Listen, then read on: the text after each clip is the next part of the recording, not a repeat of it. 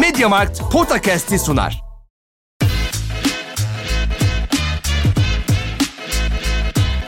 Potakast.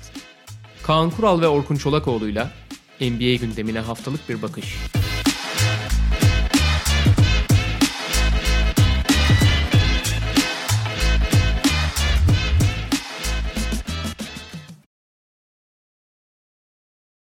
Merhaba, Media Markt'ın sunduğu Potakest'e hoş geldiniz. Kaan Kural'la birlikte bugün stüdyodayız. Ve bugün beklenti üzerine çıkan yani en azından şu ilk bir ay itibarıyla beklenti üstünde seyreden takımları konuşacağız. Onlardan da bolca var aslında Kaan abi. Var bir kısmı tabii şey erken sezon trendleri yani böyle sürer mi her sene başında olur ve hani önemli bir kısmı buralarda kalamaz. Ama bir iki tanesi de mesela geçen seki Cleveland örneğinde olduğu gibi hani hakikaten artık çağ atlamıştır. Biraz ona bakacağız. Yani bunlar arasında çağ atlayan ve hani bu beklentileri revize etmemizi gerektiren takımlar var mı? Onlara biraz bakalım dedik. Peki o zaman bir duyurumuz var onu yapalım. Şimdi biliyorsun Dünya Kupası başlıyor. Evet. Nisan kuralı da çok ilgilendiren bir duyuru olarak bunu. Abi ilginçtir hani ben sonuçta hemen hemen hiç futbol seyretmediğim için ama Dünya Kupası başka tabii. Ben de seyretmeyi planlıyorum ya. Ya tabii eğer hani televizyon yenilemek vesaire bu tip bir elektronik cihaz yenilemesi Dünya Kupası öncesinde ihtiyacı hissediyorsan biliyorsun tüm son teknolojik ürünler hepsi Mediamarkt'ta. Dünya Kupası'nın da Mediamarkt'la tam zamanı. Sana o duyuruyu yapayım. tasarrufu sana kalmış artık. Her konuda bir çözüm öneriyorsun diyorsun. Evet aynen öyle. Dünya Kupası demek zaten hani böyle büyük kupalar beraberinde şeyi de getiriyor ya en iyi şekilde izleme isteğini. Abi şöyle düşünsene yani hani televizyonu değiştirmeyi planlıyorsun bir şekilde. Ne zaman yaparsın abi? Hani bir ay sonra yapsan da ya da atıyorum 3 ay önce de yapmış olabilirdin ya da 6 ay sonra da yapabilirsin ama hani zamanın geldiğini düşünüyorsan Dünya Kupası öncesi gayet iyi bir dönem ya. Benim de evdeki uydu alıcıyı değiştirmem gerekiyor. Senin problemin de... Aklıma o geldi bir anda. o da var. Mediamarkt'ta o da var. Hayır hayır şey bu teknik servis gelecekti yani ha. şeyden değişiklikten neyse şimdi isim vermeyelim. Peki konumuza geçelim. Şimdi beklenti üzerine çıkan takımlar biraz daha batıda aslında seyrettiğini söyleyebiliriz. Ya istersen onlardan biriyle de hatta başlayabiliriz. Şöyle dereceye göre gitmeyelim. Geçen hafta Utah'ı sona bırakmış ya daha doğrusu şeye bırakmıştık. Bu haftaya paslamıştık. Çok az konuşarak son bölümde. Utah Jazz'le başlayabiliriz. Her ne kadar son 3 maçı kaybedip biraz daha normalleşse de dereceleri 13'tü Utah Jazz birkaç gün öncesine kadar ve zaten işte sezon başından beri NBA'de en çok şaşkınlık ifadesiyle konuşulan, tartışılan takım olduklarını söyleyebiliriz. Çünkü malum Donovan Mitchell, Rudy Gobert ve üzerine Boyan Bogdanovic'i gönderdikten sonra Utah'ın tamamen bir tanking takımı olacağı düşünülüyordu. Kuşkusuz hani bu hamleleri yaparken de direkt bu sezona yönelik yapmadılar. Bunu Danny Ainge de mutlaka biliyor, itiraf eder ya da. Fakat hani sezon başında konuştuğumuzda da henüz o kadar da kötü bir takım olmadıklarından da bahsetmiştik. Hala bir kere çok geniş bir kadro söz konusu. Ve yani yeni koç Will Hardy yönetiminde hakikaten o kadroyu alabildiğine geniş kullanıyorlar. Ama laf olsun diye bir genişlik de değil. Bu genişlik işte şut atan uzunlarla oynamaları vesaire en azından ilk beş uzunlarından bahsediyorum. Beraberinde bir tahmin edilemezlik de getiriyor ve bayağı iyi bir hücum performansı gösterdiler özellikle o şu son yenilgi serisine kadar. Yani hala derece zaten çok iyi 16 16 maçta birkaç gün öncesine kadar iyice zaten batıda zirvede yer alıyorlardı. Nasıl bakmalıyız Utah'ın performansına ve ne kadar bu sürdürülebilir? Ya bir kere bence teknik olarak bu kadar yani belli bir seviyenin üzerinde oldukları kesin ama yani buralarda kalmaları sürdürülebilir değil. Artı yani amaçları da belli. Yani sonuçta en iyi iki oyuncunu tamamen draft takları karşısında takas ediyorsan hani bunu ilan etmeye gerek yok ki tanking yapıyor. Yani hı hı. uzun vadeli bir yani kısa vadeli plandan uzun vadeli plana geçtin. Bu bu kadar basit. Hele ki bu seneki draftın gücü falan da düşünüldüğü zaman herkesin tanking yapacağı söyleniyordu. Ama şimdi tanking ile ilgili şöyle bir olay var. Tanking demek kaybetmeye çalışmak demek değil aslında teknik olarak. Yani tanking başarısız bir yapı kur yani sonuç anlamında başarısız bir yapı kurmaya çalışıyor. Ama sahaya çıkan takımlar buna Oklahoma City'sinden yani yıllardır tanking yapan takımlardan bahsediyorum. E işte mesela Indiana'sa da sahaya çıkan takım ve teknik kadro genelde aslında tanking yapmıyor. Yani, Tabii soyunma odasına onu yerleştiremezsin. Yerleştiremezsin. Bu çok ciddi bir kültürel kayıp demektir. Özellikle elindeki genç ve gelişmeye açık malzemeye çok kötü bir şey yapıyorsun. Yani toprağı... Abi şöyle toprağa az tohum atabilirsin ama toprağı zehirleyemezsin. O yüzden de yani hatta Oklahoma City gereğinden fazla maç kazandığı için yönetim yani daha az tohum atamayacak Shai Gildes Alexander, Al Horford veya belli oyuncuları oynatmıyordu. Ama sahaya kim çıkarsa çıksın sonuna kadar oyn- mücadele etmesini, bir kazanma kültürü yaratmasını gerek koçun gerek şeyin istiyorlar. Şimdi e, bu açıdan bakınca da Utah çok ilginç bir takım. Şu açıdan ilginç. Utah aslında o kadar iyi bir takım değil. Yani e, de 13'lük derece ki şimdi 16'ya geldi diyorsun. Şunu unutmayalım. Utah bir doğu turuna çıktı ve 8 günde 5 maç yaptı. Hani oraya hakikaten çok üst düzey bir takımı götürsen bile yani korkunç bir takvim. Yani fikstür onları çok kötü sakatladı. Burada yalnız en son oraya geleceğim. Bundan sonra işlerin daha zor gideceği ve bu dönemde arka arkaya 3 mağlubiyet almalarının önemli sebeplerinden biri Mike Conley. Oraya geleceğim de şöyle bir durum var. Bu takım oluşturulduktan sonra takımın tercihlerine ve birbirine uyumuna bakıyorsun. Şimdi ilk beş ne olarak belirlendi? Mike Conley, Jordan Clarkson normalde kariyeri boyunca hani ikinci beşin eline geleni sallamaya odaklanmış ve o konuda Orada yer alması çok daha mantıklı olan. çok daha mantıklı ama bu konuda da çok başarılı en iyi 6. adam ödülü de almış bir isim. İlk beşe yerleştiriliyor.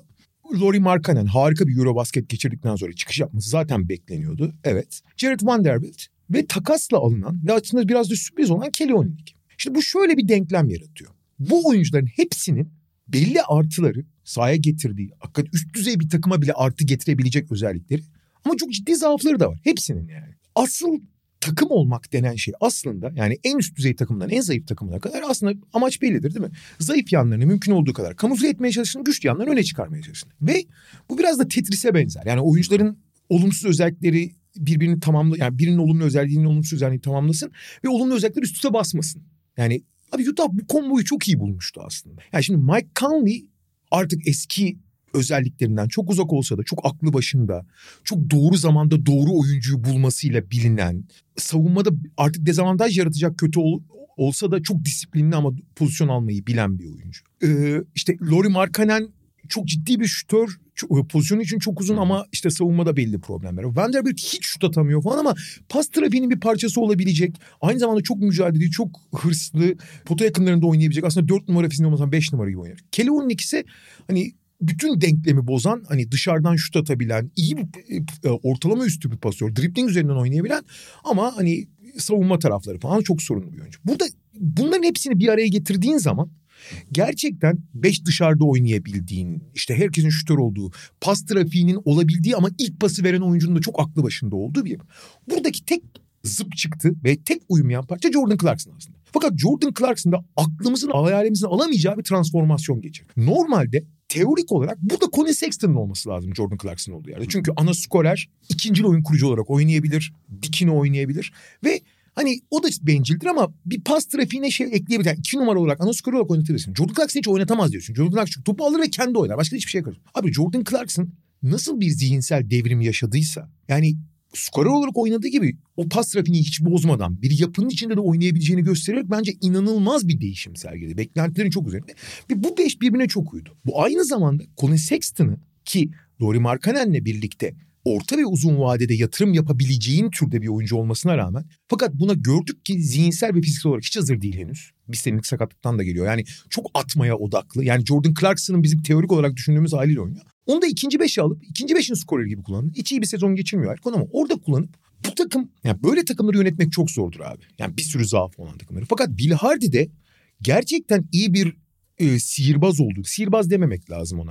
Yani parçaları nasıl bir yere getireceğini çok iyi bildiğini. Boston'da zaten çok övgüyle bahsediliyordu biliyorsun. Yani ligin en saygı duyulan asistanlarından biriydi.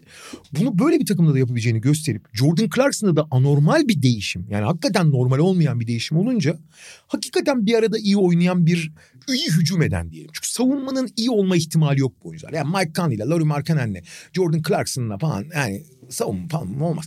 Olynyk mesela aslında ortalama üstü savunmacıdır çok şey yapılsa bile. Vanderbilt fena değildir ama çok kısalar, çok zayıflar, gardlar geçirgen falan. Savunma olmaz. Zaten savunmaları kötü zaten yani. Hücumla götürüyorlardı işi. Yani şöyle savunma da şu anda ligin ortalamasının aslında üstünde şeye bakarsan ama daha kötüye gidecek. Şu var onu ekleyecektim. Evet bunlarla belli bir ölçüye kadar savunma yapabilirsin. Fakat ligin ilk bir ayında bir buçuk ayında özellikle başka takımlar henüz o uyku mahmurluğuna atamadan bu seni belli bir yere gerçekten koordine ve şey kolektif bir çaba gösteriyorsan belli bir yere çıkarıyor bu Doğru, seni. doğru. Utah onun örneklerinden biri. Ya zaten savunmada çaba ve kolektif hareket varsa en azından ehvenişer olabiliyorsun. Ki o konuda var. çok da isteklilerdi. Yani hepsi bir şeyler göstermiş. Jordan Clarkson'ın istekliliğinden belli.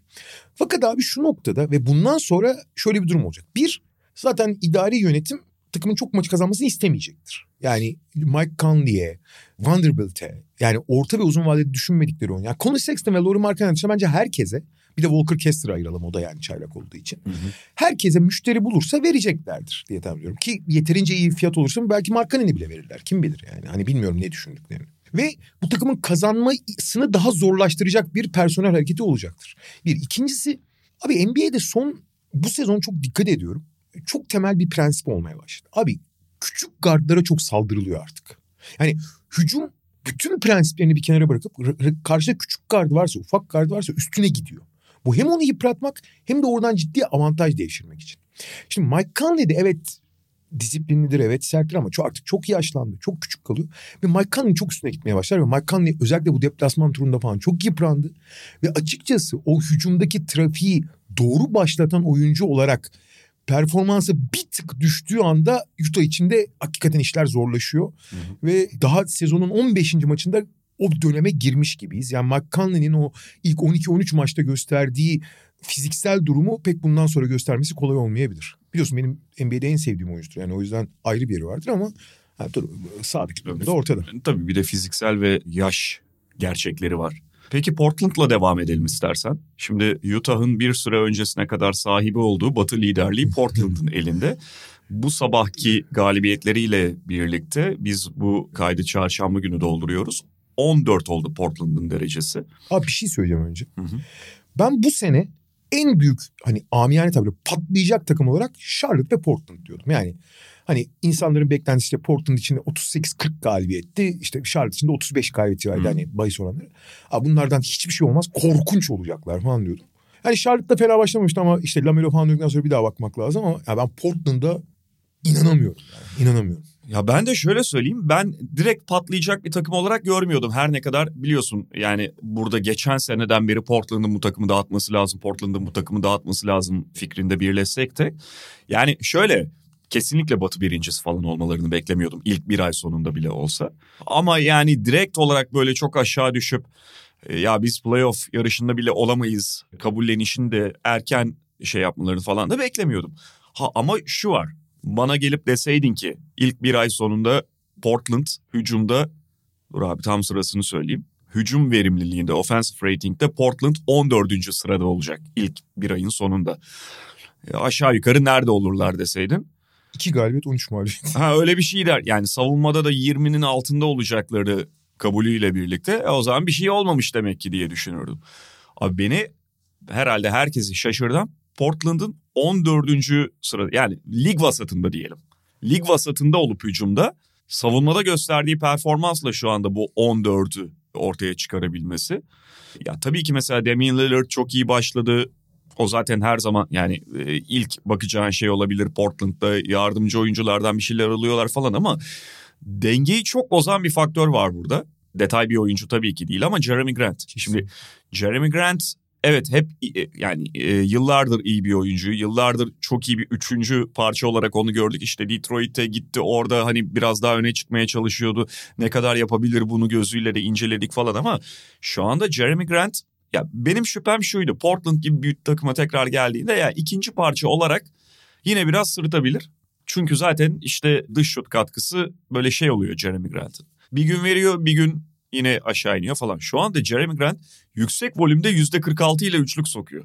Bir de biliyorsun stili de değiştirdi. Evet. Pat Connaughton taç, taç atma stiline döndü bir de. Tabii de yani. indirmeden atıyor indirmeden falan. Atıyor. Ve yüzde 46 ile yani iki buçuğun üstünde ya da iki buçuklarda falan atıyor galiba. Onun da son miktar 2.4 isabetli oynuyor. O akıl almaz bir şey yani. Saçma. Oranda galiba şu anda lig ikincisi belli bir miktarın üzerine çıkan oyuncularda. E bunun yanında da savunma performansında da şey falan yok yani. Ben artık hücum görevi yapıyorum. Savunmada benlik bir şey yoksa çıkayım yaklaşım yok Jeremy Grant'te. Bence en net denge bozan oyuncu oldu. Yani tabii ki Damian Lillard'a dediğim gibi ilk bakarsın ve Damian Lillard'ın iyi durumda olması zaten baştan bir şart Portland için. Öyle de oynuyor. Fakat Jeremy Grant burada Portland'ı çok yukarı çıkarmış gözüküyor bu ilk bir ay itibariyle. Abi hatırlarsın Jeremy Grant Denver'dayken ben çok severdim. Ve yani onun mesela zamanında Milwaukee şey Detroit'teyken Chris Middleton için de falan söylüyorum. Yani benim hani erken şimdi övgü gibi yapmayayım da hani bazı oyuncular bazı oyuncularda da olmuyor mesela. Hani iyi olduğunu düşünüyorum hiç olmuyor ama bazı oyuncuları abi bunlar çok daha yüksek yere çıkabilir diye düşünüyorum. Jeremy Grant da onlardan biriydi. Hep bahsediyor yani. Eski podcastlere bakabilirler ya benim ne kadar sevdiğimi. Fakat Detroit'e gittiği zaman şey demiştim. Abi tamam hani Jeremy Grant çok özel bir oyuncu. Çok da aşama kaydedebilir ama Abi birinci opsiyon olacak daha topla oynayabilecek türde bir oyuncu değil diyordum. Detroit'te benim beklentilerimi aştı ciddi şekilde.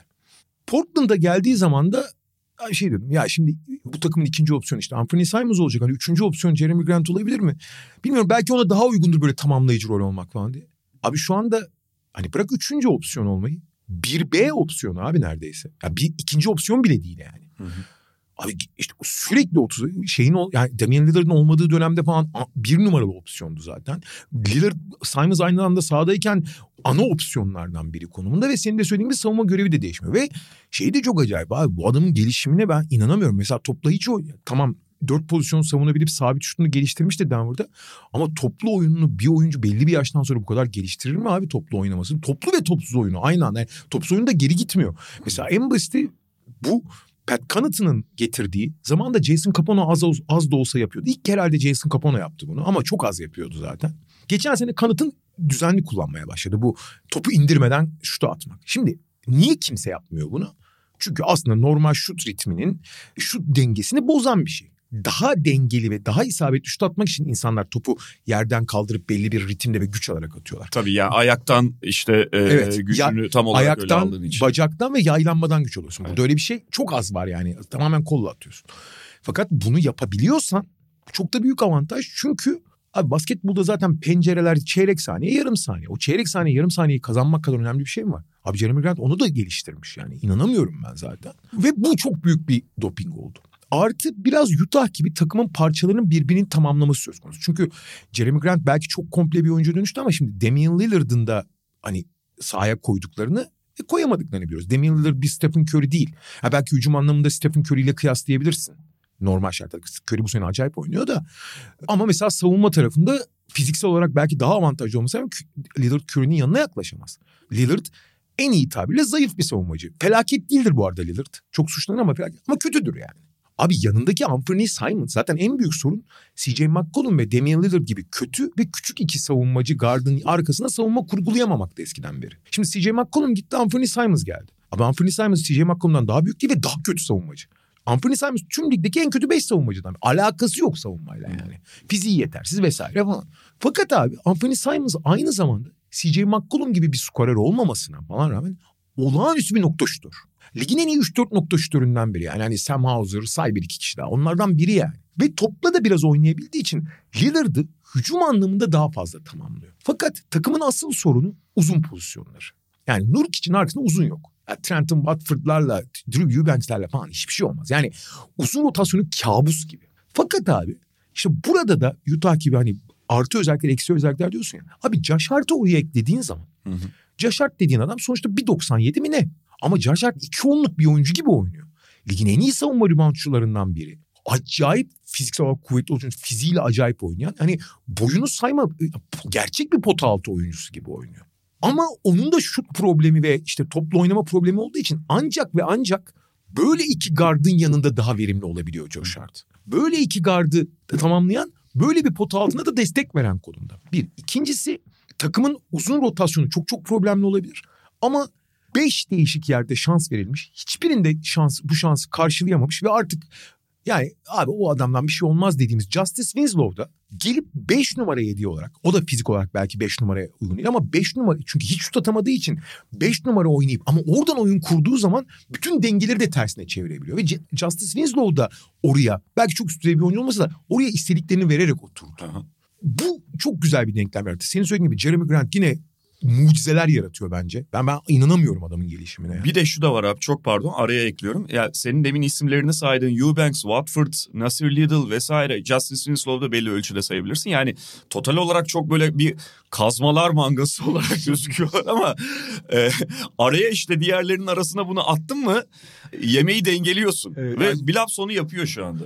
Yapıyor. Ben Bilaps'ın genel stratejik olarak da birkaç hata yaptığını düşünüyorum ama yani hala Bilaps'a geçer not vermiyorum ama güzel bir combo oldu. Ha şunu söyleyeyim. Abi bu çok hassas bir denge. Yani Utah'tan daha hassas bir denge bence bu. Ve bu dengenin anormal kırılgan, kırılgan olduğunu düşünüyorum ben. Yani hala ben Portland'da Jeremy Grant'e çok inansam da, Lillard'a çok inansam da Portland'ın yani şeyine inanmıyorum ben. Yani abi sezon başı benim bek ya, tabii ki benim beklediğim gibi patlamayacaklar. Yani e, şöyle söyleyeyim.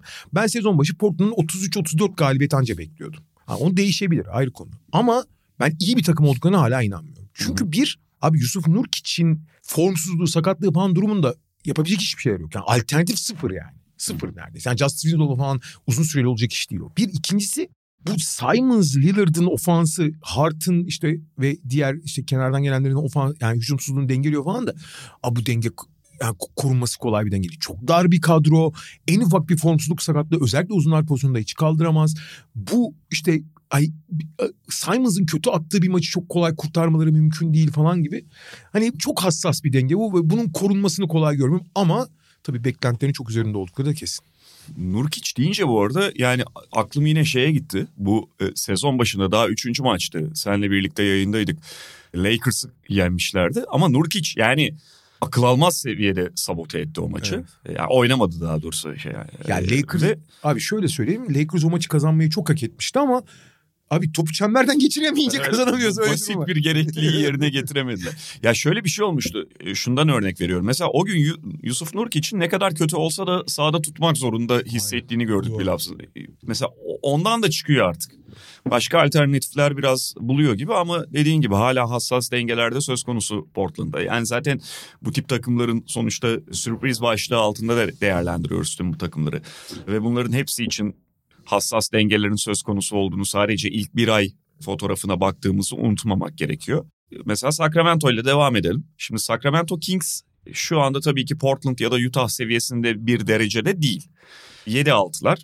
Bu sezon başı beklentileriyle kıyaslandığında e, Kings'in zaten biraz daha iyi olması bekleniyordu. Anormal bir durum da değil.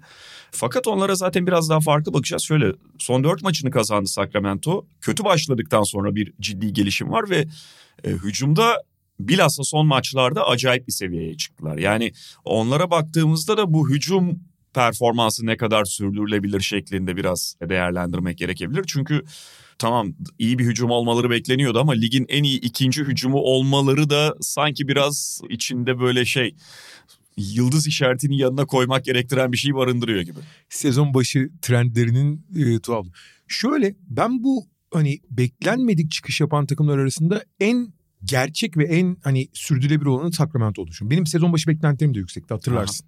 Yüks yani yüksek derken yani işte play'in takım olurlar yani yüksekte o kadar. Yani, ama yani 41-41 olursa, olurlarsa şaşırmam diye düşünüyorum. Ya burada iyi bir hücum takımı varı konuşmuştuk evet. zaten. Ha şey diye konuşalım. Ya ben mesela Sacramento için işte 38-42 galibiyet yani 41 galibiyet yani %50 galibiyet yüzdesi diye bek- evet, olabilir evet. diyordum. Sacramento yani Portland'ın onu beklemiyordum. Şimdi zaten 7-6 olunca da hani çok da oradan çıkmamışlar. Yalnız bu 7-6'nın nasıl olduğuna dikkat edin. 0-4 başladı Sacramento. Hı Maç, Minnesota maçının sonunu çok kötü kaybettiler falan. Sonra abi 9 maçın 7'sini kazandı. Ve kaybettiği 2 maç Tyler Hero'nun steps yaparak kazandığı maç Clay Thompson'ın çalınmayan foul'ü. Yani iki hakem hatasıyla son topta bitti. Ki o Golden State maçında bir de Stephen Curry delirdi. Delirdi. Olağanüstü oynadı. Yani şimdi atıyorum Clay Thompson'a yani Hurter'a foul çalsa Hurter üçünde atacak uzatmaya gidecek kazanacak diye bir durum yok. Evet. Ya da işte Tyler Hero steps yaptığında çalınsa maçı kazanacak diye bir durum da yok. Ama hani son topa kaldı anlamında söylüyorum. Hakem hataları da çok canlarını yaktı ayrı konu. Ama son topa kadar getirdiler. Abi Sacramento iyi takım. Şu açıdan iyi takım. Şimdi sezon 0-4 başlarken Sabonis korkunç durumdaydı. Felaket oynuyordu ki hatırlarsın Eurobasket de çok kötü geçirmişti. Fakat Sabonis neler yaptı neler yapamadığını diyoruz. Fakat standart Sabonis'e dönüştü artık. Yani boyalı alanda işte özellikle hücum anlamında çok iyi pasör, orta mesafe şutu var, olağanüstü reboundçu. Savunmada hemen hemen hiçbir şey yapmıyor. Ama 5 numara oynadığı senaryolarda oradan oyunu yönlendirebilen, oradan oyunu kurabilen, rebound zaafı yaratmayan, savunma zaafı yaratsa da onu bir şekilde kabul ettiğin bir oyuncu olarak görüyor. Çünkü asıl verimli olduğu yer o. Miles Turner'la birlikte olmamasının en büyük sebeplerinden biri oydu. Yani tek uzun olarak oynaması lazım. Ama tek uzun oynadığı zaman savunma kurgulayamıyorsun. E kurgulayamayız dedi abi adamlar. Hı hı. Olsun. Yanına Harrison Barnes işte Keegan Murray'i koyuyorlar şimdi ama o beşinci parça istediği gibi değişebilir. Ve en önemlisi abi son yıllarda artık çember savunmasının önemi azalmadı. Yanlış anlaşılmasın. Çember savunması savunmanın namusu yani. Kaleci o aslında. Fakat güçlü gardlarla ana aksiyonu yavaşlatabilirsen savunma çok artı bir noktadan başlıyor. Ve aslında her şey ana aksiyonda ilk avantaj sağlanıyor. Abi şimdi Kevin Herter biraz işte kızıl saçlı olduğu için, beyaz olduğu için çok küçümsenir. Ama Kevin Herter artı bir savunmacı abi. Çünkü çok büyük. Pozisyon için çok büyük. Fark edilmiyor ama çok büyük. 2-0-2 falan böyle ve kollar mollar acayip uzun ve disiplinli de adamdır. E şimdi Darren Fox aslında istese olağanüstü bir savunmacı oluyor. Çünkü yatay hareketi falan çok güçlü, çok atlet vesaire ama hiç istemiyordu. Ama bu sene başında Darren Fox belli ki abi bu takım benim takımım demiş. Biliyorsun ben Darren Fox'u da çok çok sever, severdim. Ama beni büyük ayak noktada artık ama anne hali varsa görsün diyordum. Ama bu sene hani oyuncu olmaya karar vermiş bir Darren Fox var. Halliburton gittiğinden beri geçen sezon Doğru, o doğru. karara vardı o. Yani o, onun rahatsızlığı kesin şeydi ya. Halliburton'la topu çok paylaşmak. E, istemediği kadar paylaşmak Abi- ya da Halliburton'un da biraz ona yakın stilde oynaması bilmiyorum. Şöyle söyleyeyim. Halliburton varken de varken de Halliburton öncesinde de aynı şey var. Abi kariyer boyunca %72-71 foul atmış. Kariyer boyunca %30'ları zor bulmuş üçlükteki adam. %38 üçlük ve %83 ile foul atmaya başlar mı abi? Ya şutu da mı düzeldi abi Halliburton gidince? Abi işte hissiyatla da ilgili bence. Yani e, tekrar topu fazla vuran oyuncu haline geldi. Ve abi yani zaten çok çabuk bir oyuncuydu. Bir de yani bu yaz ne yaptı bilmiyorum. Hissiyat mı, çalışma mı ikisi belki de muhtemelen kombosudur. Gerçekten olağanüstü bir skorere, şut Evet. temelli ve hani penetreyi de yapamayan bir skor. Ana aksiyonu engelleyen ama aynı zamanda yapan bir oyuncuya dönüşünce bir anda abi hücumda şey baraj kapakları açıldı. Zaten baştan aşağı iyi hücumculardan kuruldular ilk beşe baktığın zaman. Evet bench biraz dengesiz ama abi ilk beş acayip hücumcu. Sabonis hücumcu. Barnes hücumcu. Barnes bu arada çok kötü oynuyor. Buna rağmen yani Barnes felaket oynamış. Keegan Murray hücumcu ama çaylak ve o da iyi başlamadı aslında sezona. Hı hı. Ama işte şey Hurter acayip hücumcu. Şey hücumcu. Artı savunmada gardlar geçirgen değil. Ka- savunmada gardlar geçirgen olmayınca Mike Brown'un biliyorsun savunmada nasıl bir hani kamçılıyor da kamçılıyor. Ga- gardlar geçirgen olmayınca niyetli olunca savunmayı vasata yaklaştırabiliyorsun zaten. Bence mesela De'Aaron Fox'un sahiplenmesiyle ilgili esas konu o. Bence de bence de. Yani e, hücumdan ziyade De'Aaron Fox satmaya başlamıştı çünkü biraz e, savunma. Yani şey zaten genç oyuncu da takımın genel kimliğine ayak uydurma ya da ah işte ulan bunlar yapmıyorsa ben bir buranın enayisiyim yaklaşımında bulunma çok gözüküyor ama yırtıyor kendini diye benim gördüğüm De'Aaron Fox ve o anlamda çok etkilendim ben özellikle. Ve abi tamam bench biraz dengesiz işte özellikle Harrison, Harrison Barnes bence biraz daha normale gelir yani şu anda çok kötü oynuyor. Oradan yani Sabonis gibi Barnes da biraz devreye girince abi bu takım gerçekten üst düzey bir hücum takımı olup bu niyet ve koordinasyon o zaman vasat bir savunma takımı da olup gerçekten işte 40-45 galibiyet aralığını bulabilecek bir takım. Bulabilecek demek bulacağı anlamına gelmez. En ufak bir sakatlıkta bench'ten gelecek çok güvenebildikleri hemen hemen hiçbir oyuncu yok. İşte Devian Mitchell falan filan oynatmaya çalışıyor. Hı hı. Metu oynatmaya çalışıyor. Abi hepsinin çok ciddi soru işaretleri olan oyuncular yani. Ama istedikleri yapıyı kurdular. Ve bu bu yapıdan da bir verim alıyorlar. Önemli olan o. O yüzden çünkü hani bazen istemediğin şekilde olumlu şeyler olur. Yani daha doğrusu sen başka bir şey deniyorsundur daha olumlu bir şey çıkar ortaya. Yani tatlı tesadüfler deniyor tarihte işte. Hani barutun bulunuşu bir şampanya yapmaya çalışırken barut buluyor. Pardon barut yapmaya çalışırken şampanya buluyorlar. Onun gibi bir durum yani. Ama bu sürdürülebilir görüyorum ben daha çok bunu. Kesinlikle yani hücum performans tamam belki iki mi gider bir emin değilim ondan. İkide kalmayabilir. Bu, bu sabah 153 atınca da biraz yukarı çıktılar zaten. Ama burada zaten iyi bir hücum takımı var. Ee, kesinlikle ve Kevin Herter hakikaten şey oldu ya. Şimdi abartmadan söylemek lazım da yazın en sessiz sedasız iyi transferlerinden 2-3 tanesinden biri oldu. Sessiz sedasız yani o kadar gümbürtü kopmayan transferler Ve- arasında. Kendisi için ideal bir pozisyonda oynuyor Sacramento. Çünkü o topla çok oynat, az oynatman gereken iki numaralardan biri. Evet ama sadece perde çıkışı falan ya da ayak Oo, kurulu hayır. şutör de yapmayacaksın. Çünkü o topu yönlendirebiliyor. Şu anda gösterdiği gibi. Yani çok ideal mesela özellikle De'Aaron Fox gibi topu işte elinden fazla da almak istemeyeceğin bir oyuncu varken ki Domantas Sabonis de senin topu yönlendirme seçeneklerinden biri. Kevin Orter orada çok iyi bir 2-3 opsiyonu olabiliyor. Şöyle ikincil oyun kurucu değil köprü olduğu zaman çok iyi Curter. Ve burada tam o rolde işte. Evet. Tebrikler Sacramento Kings. Podcast'te ilk defa sizden güzel bahsedildi. 2006'dan beri güzel bahsedecek ne zaman oldu ki zaten ya. Yani ne konuşacaktık şimdi? Washington konuşacağız da benim söyleyecek fazla bir şeyim yok abi. nasıl oluyor da oluyor dediğimiz bir durum. Wizards'la ilgili. Evet. Yani ben de hani şöyle söyleyeyim. Ben Washington'la ilgili çok kararsızdım. O yüzden bekliyordum diyemem ama şey de yapamıyorum çok fazla böyle hadi canım falan da diyemiyorum. Abi bir yılsız kazandıkları 3 maç inanılmaz ama ya. Ha son dönem fikstür zorluğu falan öyle. Şunu tabii söylemek lazım. Hakikaten Kristaps Porzingis sağlıklı kaldığında zaten değerli bir oyuncu da bu takımda çok net bir role oturmuş durumda ve Porzingis'in oradaki varlığı birçok şeyi Washington açısından yani geçen seneki durumlarıyla kıyasladığımızda birçok şeyi stabilize edebiliyor. Buna şeyini de ekleyebiliriz ben. Şimdi geçen senenin ilk bir ayına gidelim abi. Hatırlarsan Wizards o zaman da Doğru. bu kategoride değerlendirdiğimiz takımlardan biriydi. Çünkü iyi savunma yapıyorlardı. Bayağı iyi savunma yapıyorlardı. Sonra darmadağın oldular. Fakat orada evet kadroda ciddi değişimler oldu, giden oyuncular oldu falan ama bir şey orta yani biraz böyle savunma çabası ortaya çıkarabileceğim bir oyuncu grubu var zaten. Var ama ben yine de onların savunmasına çok önemli. Artı asıl sorun onların en büyük sorunu geçen sene oyun kurucuydu. Yani oyun kurucu pozisyona hiçbir şey alamıyorlardı. Havlu Neto ile falan oynuyorlardı. Bu sene onu bize kompanse edebilmek için işte Montemoris geldi ve Delon Wright geldi. Şimdi Delon Wright sakatlandı. Delon Wright oynamıyor. Montemoris geldi ve Montemoris oyun kurucu değildir aslında. Montemoris bir numara oynayan bir skorerdir. Yani takım arkadaşlarını çok devreye sokmaz. Şimdi ben burada hani trafiğin nasıl olacak? Şimdi Kuzma top trafiği olan bir oyuncu değil. Porzingis top trafiği yapan bir oyuncu değil. Şey Avdia biraz öyle ama sadece Avdia'nın bunu yapmasıyla da olacak iş değil. Bu Bill da hani öyledir ama hani zaten ana aksiyonu yapan oyun kurucun yok. Yani top trafiği de olmaz buradan. E, bakıyorsun abi tamam Porzingis bir blok tehdididir ama birebir savunması çok problemli. Kuzma çok iyi savunmacıdır ama hücum rolünde çok iyi derken iyi savunmacıdır. Ama hücum rolü arttıktan sonra buna ne kadar konsantre olacak? Ve diğer oyunculara bakıyorsun. Ya yani Beal'ı, işte Montemoris'i. Avdia dışında artı savunmacı yok takımda bir de. Lan şimdi nasıl olacak? Top trafiği yok. Gerçek bir ana aksiyondan avantaj yaratan yok. Artı savunmacı çok az.